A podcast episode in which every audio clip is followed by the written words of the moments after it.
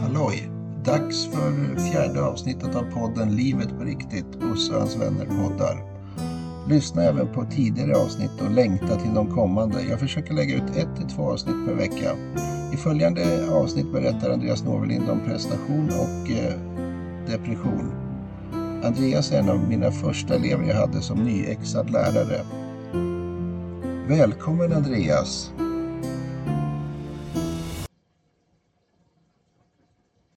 Podd. Tack!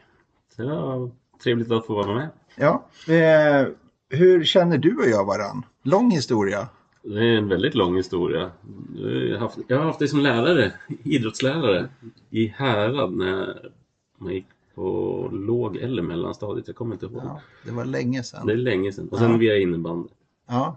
Så där har vi haft lite relationer. Ja, Mm. verkligen. Spännande. Ja, men det är ju så. Vi har sprungit, korsat varandras liv. Även om jag inte har varit din lärare hela tiden så har vi, har vi alltid morsat och snackat på varandra.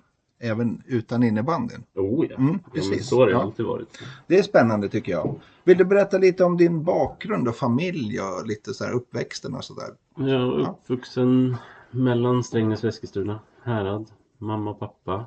Eh, två halvbröder. Den ena har jag mycket kontakt med idag. Den andra har jag inte träffat på väldigt länge. Eh, Bor de här i trakterna eller? ja, mamma och pappa bor i Strängnäs. Ja, halvbröderna? Eh, den ena bor i Jönköping och den andra bor i Bollnäs. Okej, Så de, det är lite det är utspritt. utspritt. så. Ja, Okej. Ja, Så, Ja, men du bodde uppvuxen på landet då kan man säga? Ja. ja. nej. ja. Hur länge bodde du där då? Mm, Tills jag var 18. Okej. Sen eh, flyttade jag 18-19. För Direkt efter gymnasiet så flyttade jag till Västerås Okej, och jobbade och spelade innebandy. då kommer man ju osökt in på det där med skola och fritid och så här. Hur gick det med skolan då? För du sa direkt efter gymnasiet. Men hur gick skolgången och så där då? Med Jo, men. Härad, du hade mig i Häradsskolan och sen så gick du vidare någonstans. Sen gick jag på Karinslund, sjuan till nian. Mm. Eh, och sen Thomas gymnasiet, samhäll... samhällsekonomisk linje. Mm. Eh, inga jättebra betyg men inga dåliga betyg heller. Alltså inga streck eller underkänt eller något sånt. Vad skulle det bli?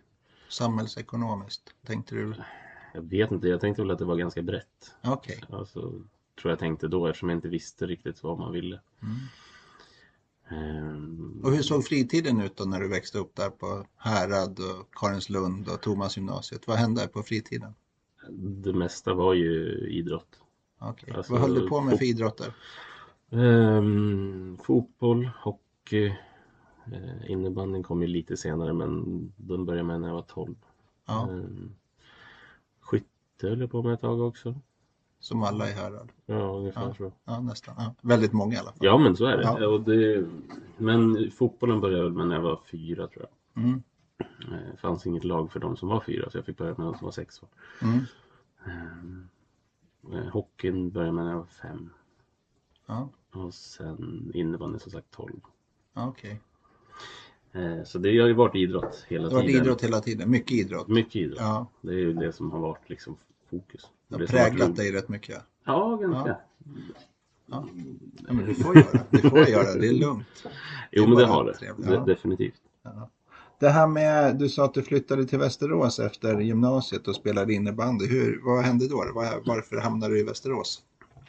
Eh, Att jag hamnade i Västerås var mm, två sista åren, eller ett och ett halvt åren på gymnasiet så pendlade jag till Västerås och spelade med Tillberga. Okej, Eh, blev ja, värvad dit när vi var efter en U19-samling med U19-avslaget. okej.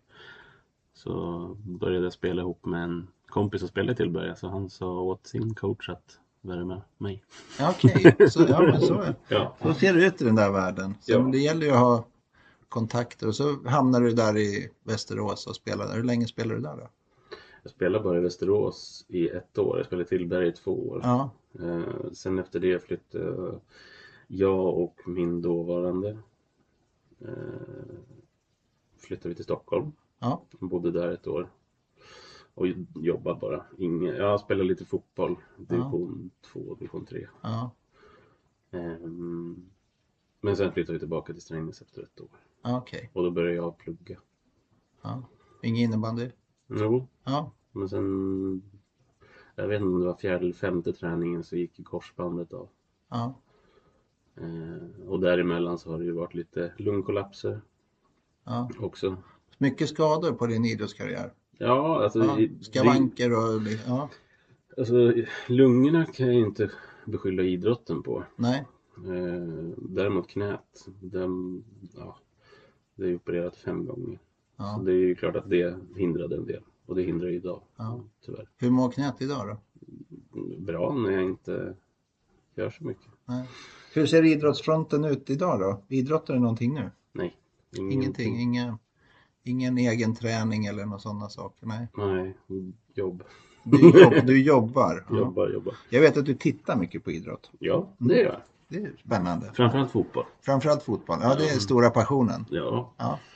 Härligt. och Manchester United såklart. Det är såklart att det kan jag redigera bort. Så. Jag vet också eftersom jag känner dig och redan som elev i, tidigt i skolan så det här med högpresterande, för det kan jag vittna och skriva under på, även om du inte har trott på mig i alla år så är, har du ju väldigt hög kompetens i, din, i, i, i ditt idrottande. Du är jätteduktig på det du tar dig för. Men du har någon sorts prestationsångest och blir väldigt arg. Vill du berätta lite om det? Var, var, var kommer det ifrån? Ja, alltså det kommer ju, jag vet, alltså det kommer ju säkert, i grund och botten kommer det säkert, alltså från uppväxt och så. Kan jag Okej. tänka mig. Men Ja. sen är det ju, sen är det väl som man är som person också. Jag har ju alltid haft alltså, höga krav på mig själv. Om någon har sagt att man ska göra två mål så vill jag göra fyra. Okej. Alltså man sätter ribban alltid högre. än- Och når man inte upp till den, då blir man förbannad på sig själv. Ja. Är du misslyckad då eller varför blir du förbannad? Jo men jag tror att Alltså i det läget om man pratar tidigt Ja, så var det en drivkraft att aldrig, aldrig vara nöjd. okej. Men det är just det är där problemet blir kanske sen när man blir äldre också att man måste hitta den här balansen att vara nöjd. Jag kom inte ända upp. Jag gjorde inte tio mål. Nej. jag gjorde sju. Ja, Eh, och liksom så här, ja. Och hitta att, ja men jag kan vara nöjd med det.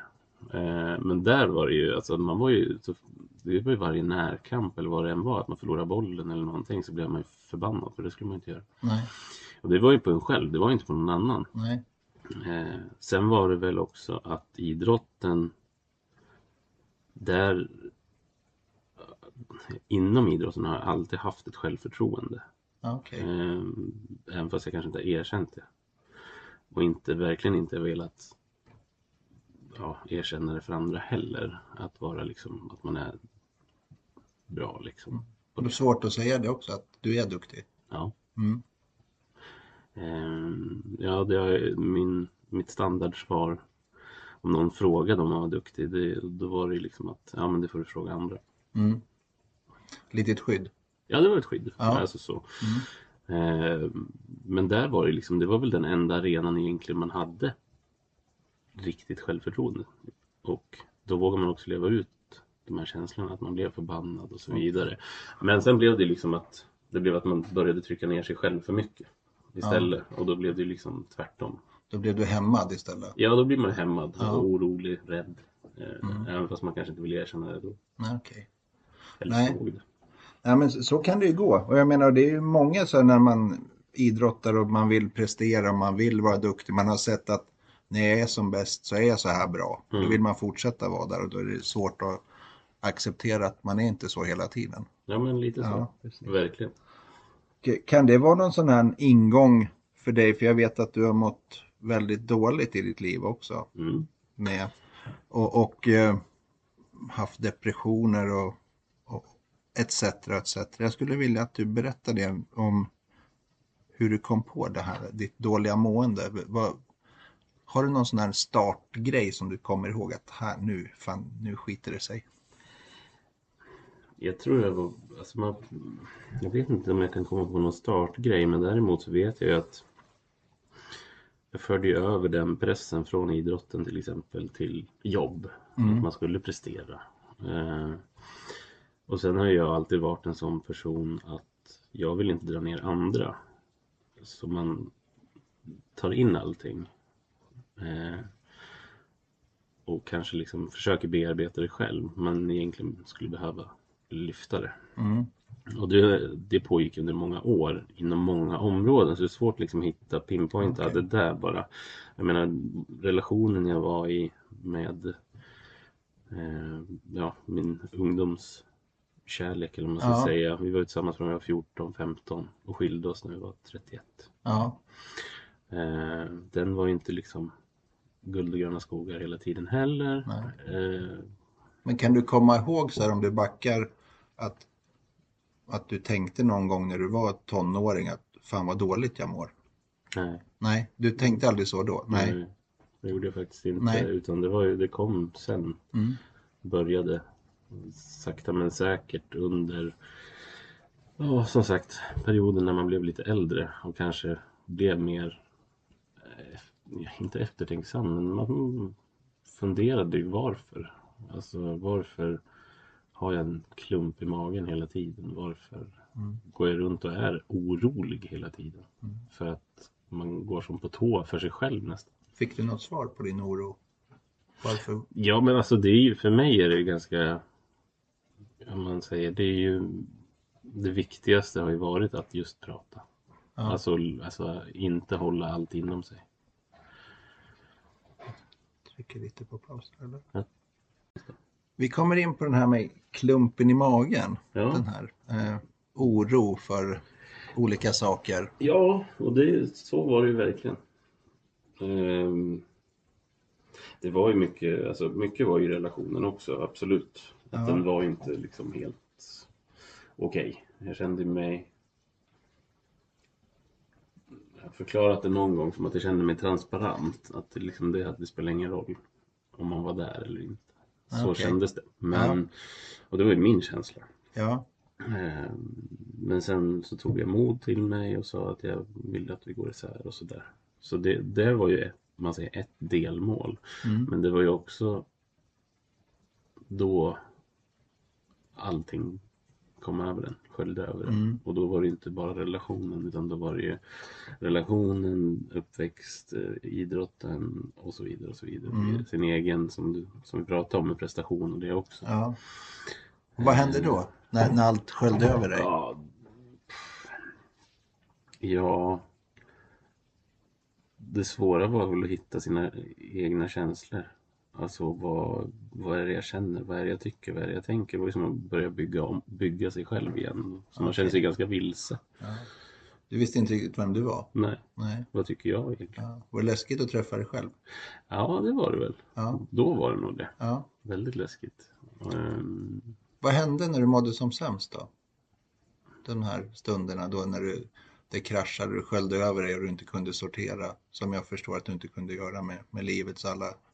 Pusselbitar.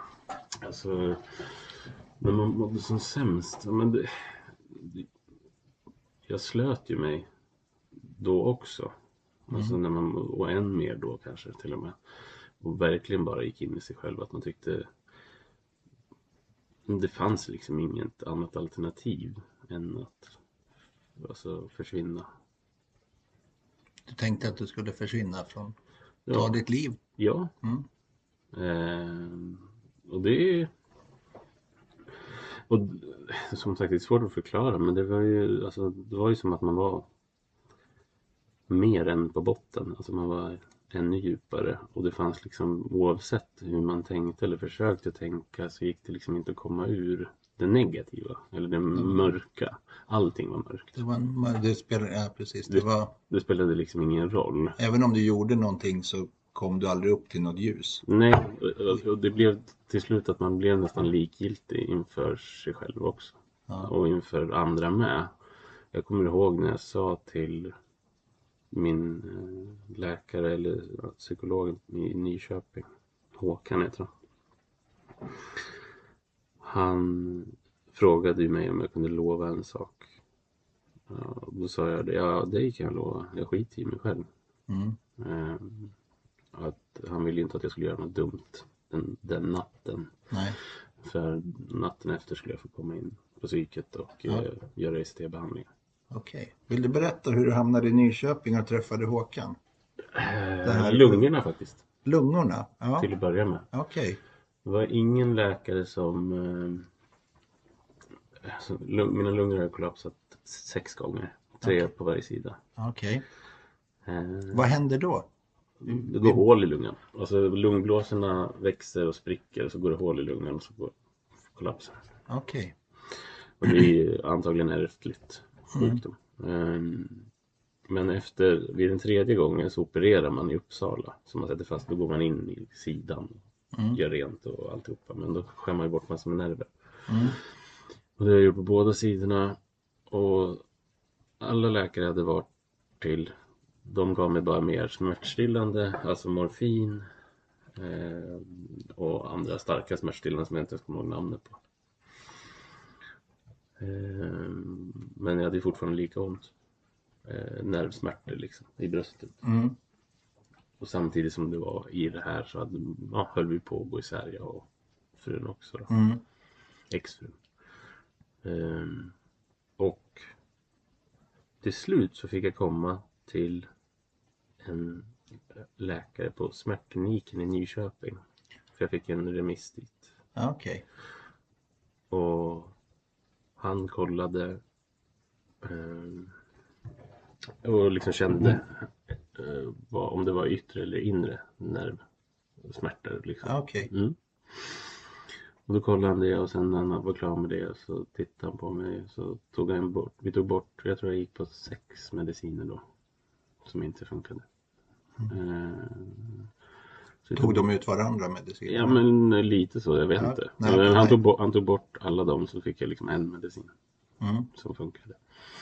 Men det han gjorde på det besöket, det var ju att han var den enda läkaren som tittade på mig och bara, "Men hur är det annars då? Mm. Och då bröt jag ihop. Då, du, du behövde den frågan och det Ja. hade ingen ställt?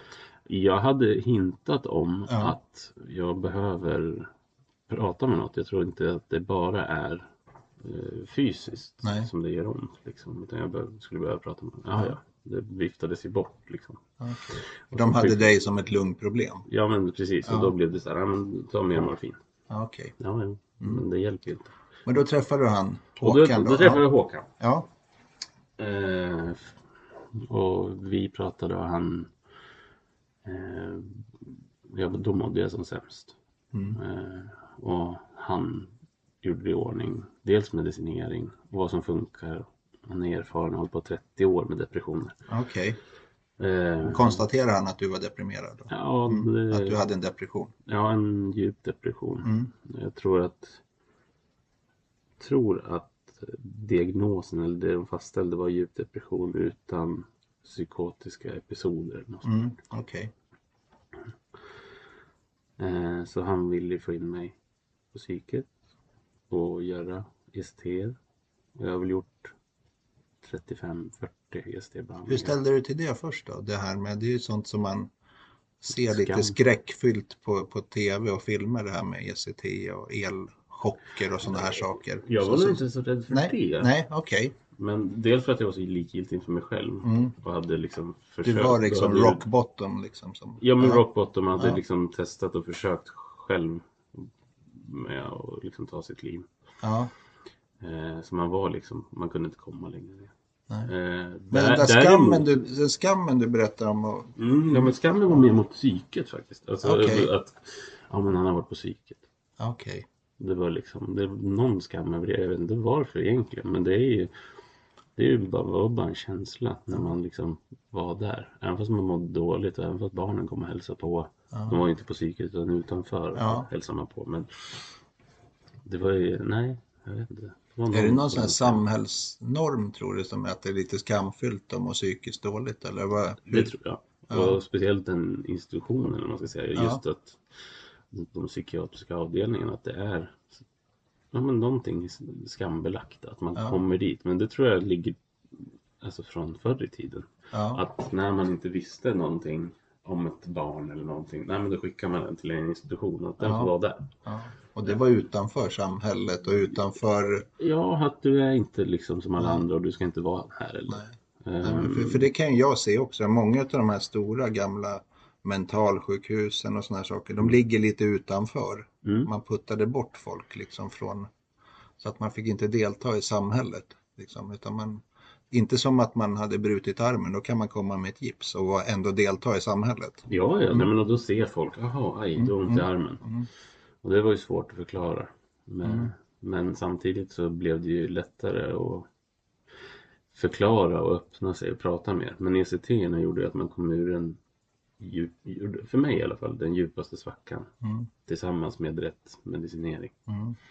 Vad händer med en, vad är en ECT-behandling? Jag kommer att lägga in en liten Jo, man, förklaringslänk kanske efter det här också. Så, ja. Ja, det som händer är att man får Ja, man får ligga på en brits eller en säng eller vad man säger. Mm. Eh, och sen eh, väntar man på sin tur.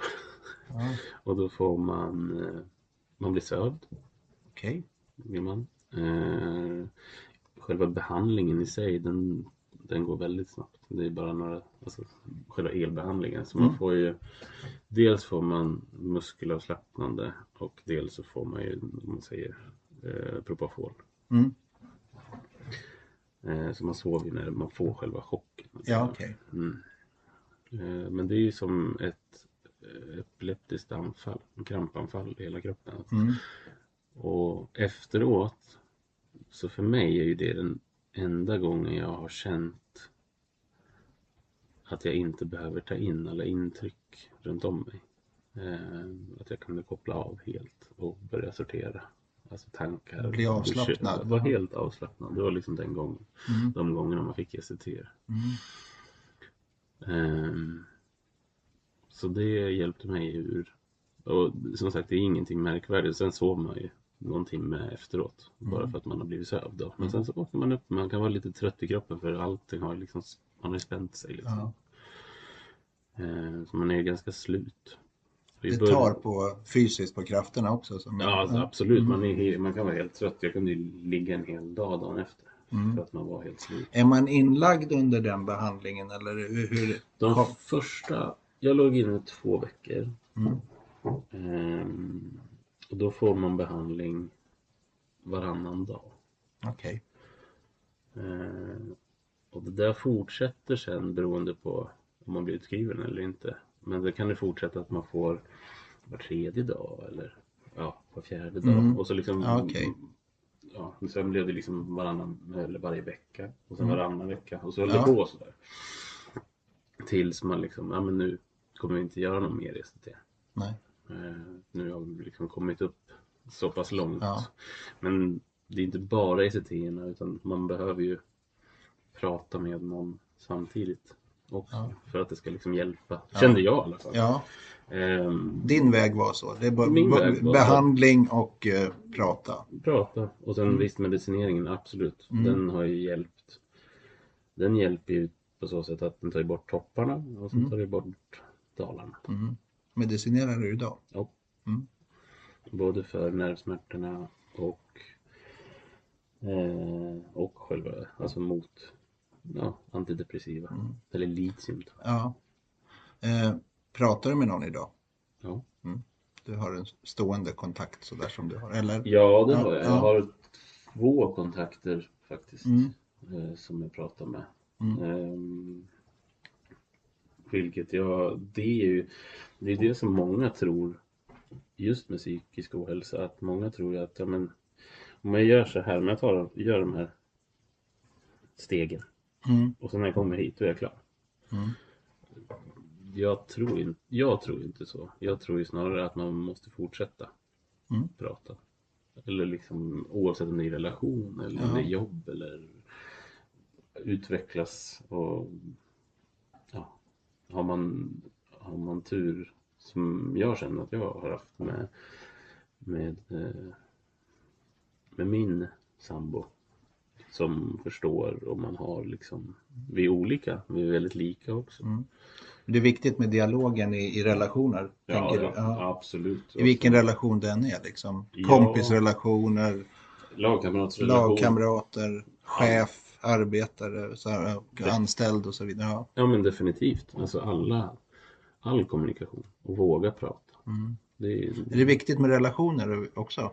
Ja, absolut. Det Jaha. tycker jag. Alltså Mm. att man har det viktigaste som när man, om man tänker tillbaka som när man mådde som sämst. Det var ju att få höra att jag finns här. Mm. Det, för det är helt kravlöst. Mm. Alltså det finns ingen krav där. Utan det, där är det så här. Fast du vet att jag alltid finns här. Och du var trygg med det? Jag är trygg med det. Men det Ja. var en person som sa det till mig. Ah, Okej. Och det var Anders. Min barndomsvän. Din barndomsvän, han, Mm. var, han var där? Han, ja, men han sa det. Det var, det var hans första och enda reaktion i början där att Mm. jag finns här oavsett. Och det, Det var en stor öppen famn. Ja men lite så. Ja. Eh, och det var ju så många som inte förstod och sådär när man skilde sig. Tog de avstånd från dig? Eh, Till en början ja. Mm. De flesta. Eller nästan, ja men de flesta gjorde det. I alla fall även på min sida, eller Mm. säger, av familjen. Mm. Eh, sen kom det väl sakta men säkert att man hade en förståelse. Att man Ja. förstod och liksom att det kan, hur det kan vara och hur man kan må och så vidare. Var man rädd för några egna reaktioner eller var man, tänkte man att, så här, att man måste göra rätt för att... Ja, men jag tror nog att, sen, jag tror dels att man lever kvar i någonting gammalt. Alltså just den här inställningen till relationer kanske. Alltså och äktenskap och sånt. Att, Mm. ehm, man hade en annan inställning förr tror jag. Mm. Nu är det mer att båda, för mig är det att båda ska må bra. Mm. Inte en. Nej men precis. Och Ja. jag menar, säg inte att det var så, men jag mådde dåligt. Ja. Så jag menar, och där liksom Det var ju svårt att förklara det också när man inte kunde sätta ord på Nej. känslan själv. Nej. Skulle du kunna hamna där idag tror du? I, så, I ett sånt läge där du mår så dåligt så att du inte kan prata om saker? Men, Alltså, det, det är nog svårt. Det är svårt att säga. Ja. Men jag tror ju att det är väl klart beroende på vad som händer runt Mm. omkring en. Mm. Jag tror att det har med sitt sammanhang att göra. Mm. Eh, är det en förlust av någon? Är det förlust i relation? Eller? Eh, någonting som Mm. händer, absolut. Och det, då kan man absolut gå ner sig och hitta det där. Men jag faller inte lika snabbt. Nej. Eller liksom tungt ner. Utan Nej. man kan falla ner. Ja. Då kanske jag säger till min sambo att ja, idag är, mår jag skit. Ja, okej. Ordentligt. Ja. Och för hon förstår. Ja. Alltså, att, ja, för ni har förberett det? ja men lite så. Ja. Hon, hon har väldigt förståelse för hon har erfarenhet av det själv också. Ja. Ehm, och då blir ju jag lugn också. Det Mm. ger ju ett lugn. Om, Ja, jag, precis. om man kan vara sig själv hela tiden Ja. och verkligen säga fast så här mår jag nu. Ja. Och Hon kan vara det tillbaka. Ja. Och då är det också kravlöst. Alltså Ja. jag kräver ingenting. Jag vill bara säga så här mår jag. Mm. Och lyfter jag det. Det, det, ett- ja, men ni har ju förberett det känns det som att så här kan det vara och vi kan vara jättelyckliga tillsammans och vi Absolut. kan må lite taskigt ihop. Och det måste ju vara en trygghet av hela spelplanen. Ja, men, och det är precis så det är. Att Mm. man bara genom att lyfta det och i princip säga det högt. Det låter Mm. kanske töntigt men att säga det högt att nej men idag mår jag skit. Mm. Och då bara att man gjorde det. Gjorde att ja, nu blev det lite lättare Ja. helt plötsligt. Du lyfter liksom upp För det. att hon Ja. nu förstår Ja. hon mig eller han mig Ja, eller vem ja. det än är. Ehm, och då blir det lättare. Och Hela då, tiden kommunikation och dialog. ja, Det, det är A och O. Ja. Det är det här du pratade om, jag hoppar tillbaks till de här Ja.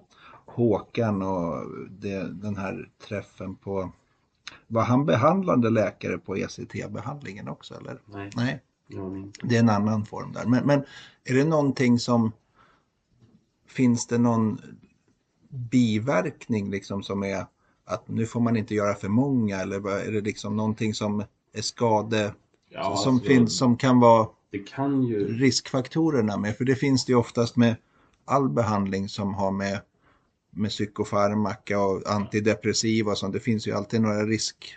Vi hörde att du pratade om litium, då måste man ju kolla in levern hela tiden. Och så här, Mm. så, ja. Eh, ja, Jo, men och så är det ju. Alltså det finns ju... Det finns de som får, kan få biverkningar. mm, Eh, eh, och det kan ju vara, det kan vara minnesförluster, det kan Mm. vara liksom att man inte kommer ihåg mm, närminnet försvinner Mm. och så vidare. Så det finns ju alltså, sådana risker med det också. Eh, jag har inte märkt av någonting sånt. Det har Nej. jag inte. Eh, och det är ju det, det var ju min väg ur ja, precis. Eh, och det var ju det som var den viktiga delen, att komma ur den här största gropen som man var i. Liksom. Eh, och därifrån kunde man liksom jobba, Mm, jobba sig vidare. Men jag tror, ja som sagt, det är ju som, det är en sån kombination.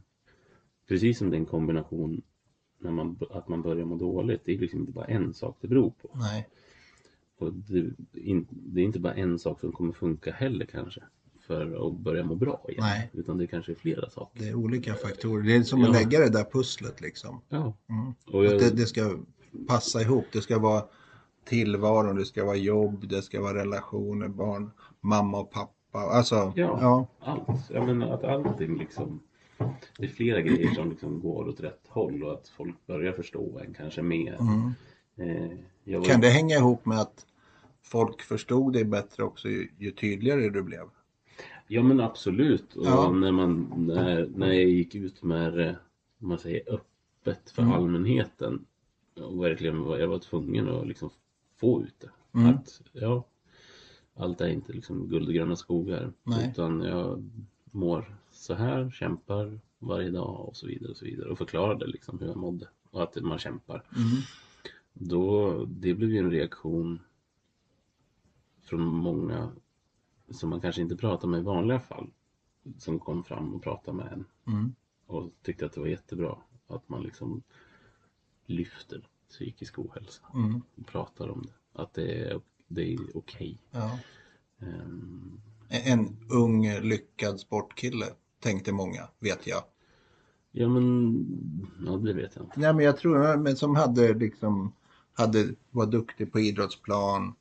Ja, men och hade skaffat barn och familj. Det, det såg utanför, det kan jag berätta själv. Mm. Men, det, men det såg väldigt positivt och lyckat ut. Om man inte var nära dig kan jag tänka mig. Ja men så är det nog. Och det, Mm. där är det ju också någonting, och det är, så gjorde man ju i jobbet, framförallt i jobbet också, att man, det just den här fasaden. Mm. Mm, Man kände att man mådde skit. Mm. Men det var ju bara dra på leendet. Mm. Man jobbar med människor, Ja. kunder framförallt, och skulle tjäna pengar. Mm. Ehm, så den, det är ju klart att man kan ha en någon form av fasad för att man ska vara trevlig för man har en skitdag på jobbet, Mm. det säger jag ingenting om. Men när fasaden blir nästan konstant. När den tar över livet liksom. Ja, och då är det något som är fel för då är det så här, då är, då är det fortfarande inte du. Nej. Det var därför hade du svårt att hitta dig själv. För att du hade Ja. dragit på den där fasaden. Du visste liksom inte, vem är jag egentligen? Nej, men vi pratade om det tidigare. Här, Ja, att, ja men Ja, precis, ja. precis så. Ja. För det och, För du hade mörkat för dig själv också. Ja, ja, ja Mm. många år. Mm. Eh, och det var ju, precis som du sa också, det var ju bland det läskigaste. För man visste inte. Nej. För man hade varit tyst jämt. Mm. Och sen hade man varit, vad ska man säga, social kameleont. Mm. Bland all, så fort det var någonting så var man liksom, läste man av vad de flesta tyckte. Ja. Och så hängde man med bara. ja, För att man liksom inte hade någon egen åsikt. det var smidigast. Jag var smidig. Ja. Liksom, enklast. du följde med. Ja, hon följde med liksom. Och så, Våga inte sticka ut. nej, vågade inte sticka ut och framförallt att man läste av också. Mm. Och man, själva grejen, man utgick inte från sig själv. Nej. Så man gick inte inifrån och ut. Utan Nej. man gick alltid utifrån alla andra. Ja. Och sen in till sig själv. Ja. Och det är den stör, kanske den största förändringen man har gjort. Ja. Att jag tänker ju, om, en, om jag känner så här, då får jag känna det. Ja. Och det är okej. Och det är okej. Alltså precis, Ja. oavsett om det är så här, jag mår piss idag. Fast det är okej. okej. Mm. Det, det är lite befriande att lyssna på sig själv. Ja. Ja. Och, och liksom vara, vara trygg med det. För du vet också att det kommer en ny dag imorgon. Ja. Kan du välja att må bra också? Liksom det här att hitta, har du vägar från det där att nu mår jag piss och så här, kan du liksom hitta, har du någon som inte är eh, någon sorts medicin utan någon, någon egen grej som gör att nu, nu mår jag lite taskigt här, då kan jag göra det här så vet jag att det, då lyfter jag lite grann.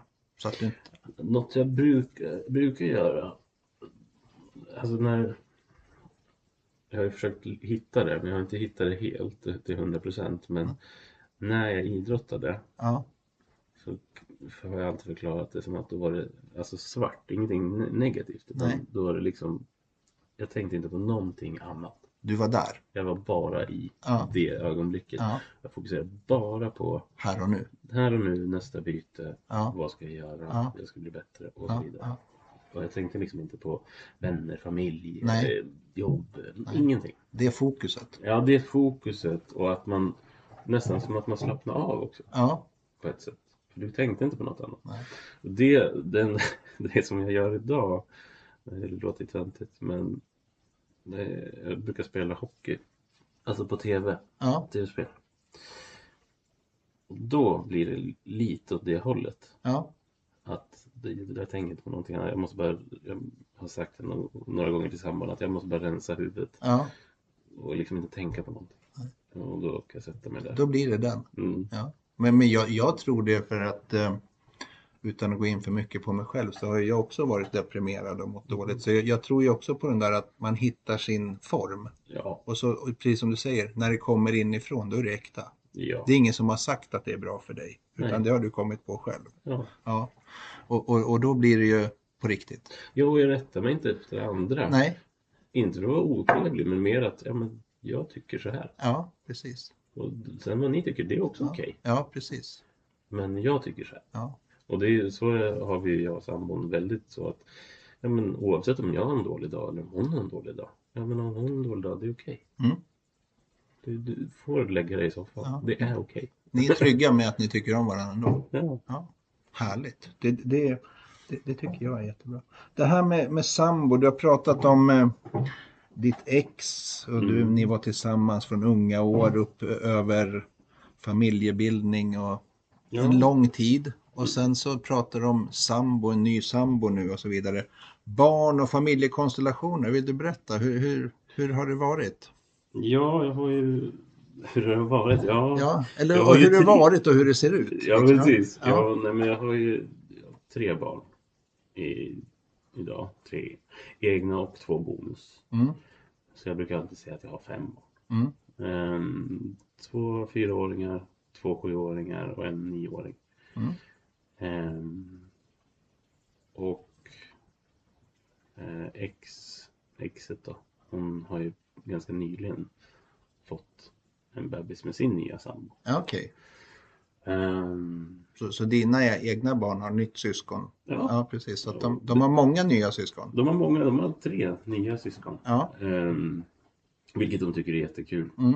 Ehm, och de tycker det är som sagt det är roligt när, det, när de får träffa varandra igen. Mm. Nu har de ju varannan vecka samtidigt. Ehm, så det var ju en omställning också att ha barn varannan vecka när man skilde sig. Mm. Ehm, samtidigt så var det ju att jag försökte hitta energi den vecka jag inte hade barnen. Mm. Och försöka hitta energi bara för att orka med barnen Mm. när de kom. Alltså, är, är du en vardagspappa eller är du en sån här klassisk, eller klassisk sån här nidbild av en varannan veckas pappa där det ska vara tjosan hejsan hela tiden? Eller är du en vardagsfarsa? Ja, Jag är nog en vardagsfarsa med, Ja. som älskar rutiner. Ja. Mm. Speciellt när det, som sagt, när vi, vi är ändå sju stycken Ja. i hushållet så då blir, vill man ju ha rutiner. Ja. Och barnen tycker det är ganska skönt för de vet vad som händer. Ja, Det okej. blir inte så mycket överraskning Nej. under vardagen. Nej. Sen under helgen, Ja, absolut, då kan vi hitta på saker. Men du Eh, behöver liksom inte vara den här som nu, nu ber jag om ursäkt till alla ensamstående pappor. Så här, men just de här som ska göra tjosan hejsan så fort de träffar sina barn. Så det, som man ser lite till höger och vänster, både nära mig och ute i samhället och så vidare. Att det ska vara flashigt så fort man träffar sina egna barn.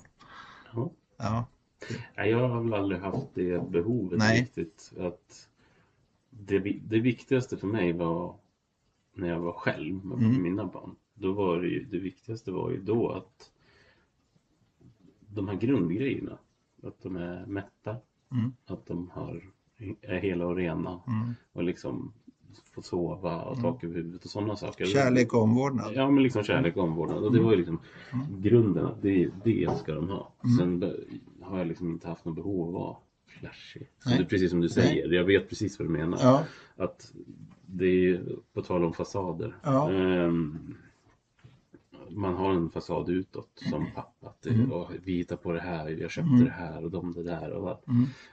det är så här, ja, fast det blir ju också ganska genomskinligt när det är varje gång. Mm. Då kan man, ja. Ja. ja, men jag tror det. Nu, nu hör ju folk som lyssnar på det här att vi är lite fördomsfulla mot de här Ja. stackars ensamma papporna. Alla är men, inte så. Nej, det finns såklart. Det, det är en nidbild som vi målar upp och också med en, en fördom från Andreas och mig får vi påpeka här. Då. Men, men eh, ja, så, så är det. Men den här nya familjen då, konstellationen med, med, med, med fem barn och Mm. nytt hus vet jag att du har. Ja, ja men det är, det är kul. Mm. Det är riktigt roligt. Eh, och sen är det ju som sagt, när, det är klart att det kan bli jobbigt den veckan man har barnen och slutar mot veckan. För det, det är ju klart att det blir en, inte press, eller jag, jag sätter alltid press på mig själv som pappa, att vara en bra pappa. Mm. Eh, Kommer din prestationsångest eller den här prestationskraven tillbaka lite grann där eller? ja men de har nog Ligger alltid, det lite- alltid funnits ja, där. ja. Alltså just på rollen som pappa. Mm. Att den, har, den pressen har varit extremt hög. Mm. Ehm, så det är klart, ja, men där kan det liksom komma tillbaka till och man kan få Mm. dåligt samvete man har gjort någonting eller sagt någonting på fel sätt till Mm. barnen eller ja, de har blivit ledsna över någonting och så Mm. vidare. Samtidigt så är jag väldigt lugn och trygg i rollen också. För Mm. jag vet vad jag tycker och Mm. vet vad jag står för. Ja. Eh, och det står jag för. Mm. alltså Ja. det, det blir liksom som att ja, men de har liksom Och barnen är trygga med din roll som pappa? Ja, Ja. de vet Mm. liksom. De vet vad de får? Ja, de vet vad de får, de Ja. vet vad som gäller och vet vad som inte gäller. Ja, precis. och det blir ja, men tydliga regler. Mm. Hur det, var- du har ett ganska nytt stort hus vet jag. Ja. Mm. Det, när man har hus finns det alltid saker att göra. Mm. Är, är det spännande? Är det handyman? Eller vad, vad händer? Ja, alltså det är lite som i idrotten som du sa förut. Om Mm. man tar sig för någonting så är det bra. Mm. Och det är väl lite samma sak där. Det, det jag har lärt mig av mig själv är väl att om jag ska renovera och grejer så vet jag att det tar tid Mm. för att jag är för noggrann. Mm. Har du grundskillsen då eller är du för noggrann? För jag vet att, Nej, jag har- nu hoppar jag tillbaks till mig själv. När jag renoverade mitt hus, jag hade inte grundskillsen utan jag fick lära mig skillsen och sen så var jag övernoggrann för att jag ville inte att det skulle gå fel så det tog jättelång tid. Ja, ja. Men, men lite åt det hållet samtidigt som att jag är ganska jag är ju tekniskt intresserad. Mm. Gillar maskiner. Ja, men lite Ja, åt det ja. hållet. Tycker om maskiner och alltid upp, uppvuxen med liksom bilar och byggen och Ja. massa sånt. Så det är Jag känner mig inte orolig och att använda någonting, några viss, en viss sorts Nej. maskin eller någonting sånt. Men När, Sen när kan det vara att man hjälp behöver. då? När ber du om hjälp? Till exempel med ett husfix. när det gäller ja, sådana saker som har med, alltså med försäkringar och sånt att göra. Jag tänker våtrum och, Ja. sånt där. Då, där, det lägger jag ut. Ja, Men allting annat, mm. det kör du. då, Mm. som sagt, men jag tycker om att lära mig Ja, saker och ta reda på själv. ja. Men jag är, jobbar helst själv också. okej. Vad Är du svår att jobba med? Jag säkert. Ja, Nej, jag vet inte. Nej, jag nej. vet faktiskt inte. Jag, jag, jag har inte frågat någon. nej. Jag är ju jag är inte den som tar och ställer mig liksom först i ledet. Så. Däremot är jag väldigt jag är väldigt mån om att vi, eller alltså gruppen, gör, gör det tillsammans. Ja. Så jag kanske, är någon, kanske blir en informell ledare, Ja, kan jag tänka för, mig. du, är- för du, du bygger det, kommer man tillbaka till det här med laget, att det måste vara bra och funka och så här. Så Mm. att, och då, Ja men Ja. man pushar varandra Ja. och man hjälper varandra Mm. och det, ju, det var ju så det var på innebandyn även Mm. när man var lagkapten också att jag blev ju aldrig arg på någon annan. Jag har aldrig gnällt på någon annan över att den slog en för dålig passning Nej. utan det var ju snarare att jag blev förbannad på mig själv. mm. Ehm, och så kan det vara idag också fast jag blir kanske inte lika arg Nej. Som då. Men du tycker om att jobba med dig själv? Ja, Har du gjort det alltid? Det här, när, du inte, när du byggde upp den där fasaden och så här när du inte tillät dig att lyssna på dig själv. Tyckte du om att jobba med att träffa dig själv varje morgon du gick till jobbet och sådär? nej, Nej, verkligen inte. Det gjorde jag inte. nej. Men en skönare Andreas du känner nu? Ja, Mm. mycket mer lugn. Även om jag alltid varit lugn utåt Ja. om man säger så. Men Det inre kaoset? inre kaoset är mycket lugnare. Ja, Mycket lugnare och tryggare med mig själv. Liksom. Som sagt, det Mm. här tycker jag. Det Mm. här känner jag. Mm. Och som sagt, precis. Den bästa, den bästa, det bästa man kan säga är ju verkligen att det är okej. Det är okej. Alltså det Ja. blir lika, Ja. lika kravlöst som det vi pratade om förut just med det Anders sa att ja. Ja. men jag finns alltid här. Ja. Det finns liksom ingen krav någonstans men Nej. du vet att jag finns här. Är Anders den här, om det ballar ur, han kan du ringa 03.47 på natten om du mår dåligt. Ja, Mm. utan problem. Vilken trygghet. Mm. Sån livlina skulle alla människor behöva tror jag. Ja men det tror jag med. Alltså det, vi har ju känt varandra i snart 35 år. Ja, Så det är, på gott och ont.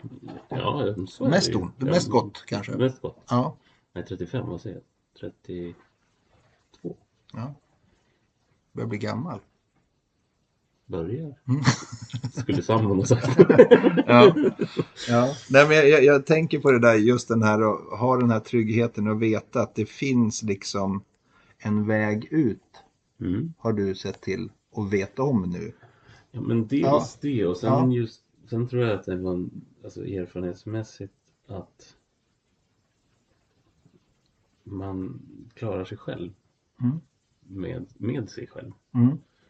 Det är också någon form av trygghet Mm. i att ja men det spelar ingen roll. Nej. Jag klarar det Mm. med Och- och- barnen ja. och liksom här, det, vi, Ja. det kommer liksom inte Du dör inte om du mår dåligt. Nej, jag dör inte om jag mår dåligt och det, oavsett vad som skulle hända runt omkring oss så är vi liksom klarar vi. Mm. Vad härligt. Mm.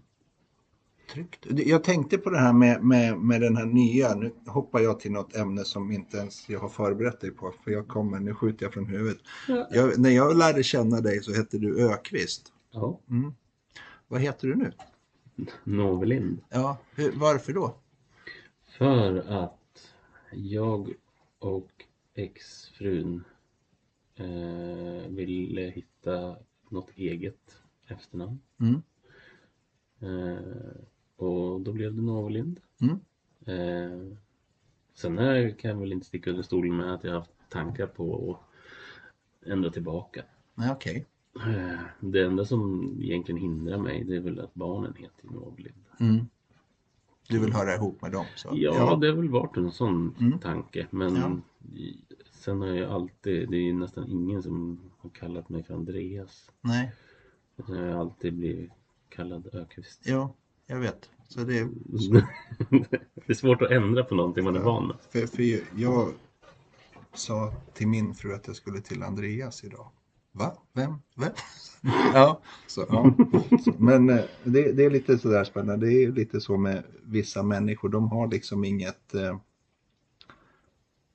de har inget för och efternamn. Utan man har antingen det ena eller det andra kanske. Eller till och med ett smeknamn eller öknamn bara. Ja men så är det ju. Ja, Alltså, jag vet ju att Anders berättade att han var med en gemensam, nej jag och Anders, förlåt, jag och Anders var tillsammans Anders pratar i högtalartelefon Ja, med en gemensam vän som Ja. vi har vuxit upp med Ja. från vi var små ja, och känner bra. ja. Och Anders säger Ja, jag är med Andreas. Ja. Och han frågar Andreas vem? ja. Ja, Ökvist. Ja, Ja, ja. just det. Ja, ja. Nej, men då, ja, i och för sig. Anders är den som säger. Han är en av väldigt, väldigt, väldigt, väldigt få. Han säger Andreas. Det säger han fort. Mm. Han säger inte Ökvist. Och, du säger, och du säger Anders? Ja, ja, jag säger inte Lindström. Nej. Och du säger inte hans andra smeknamn och öknamn heller? Nej. Nej. Och jag säger inte min andra smeknamn. Nej, precis. Nej. Brinn, brinn och Nej. Så, nej. flera.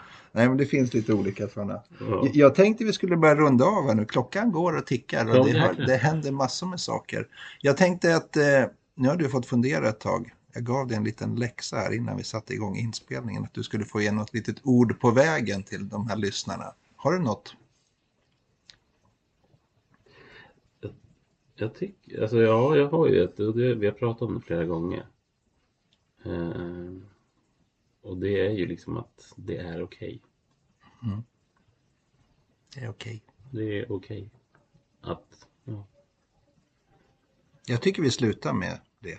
Mm. Det är okej. Mm.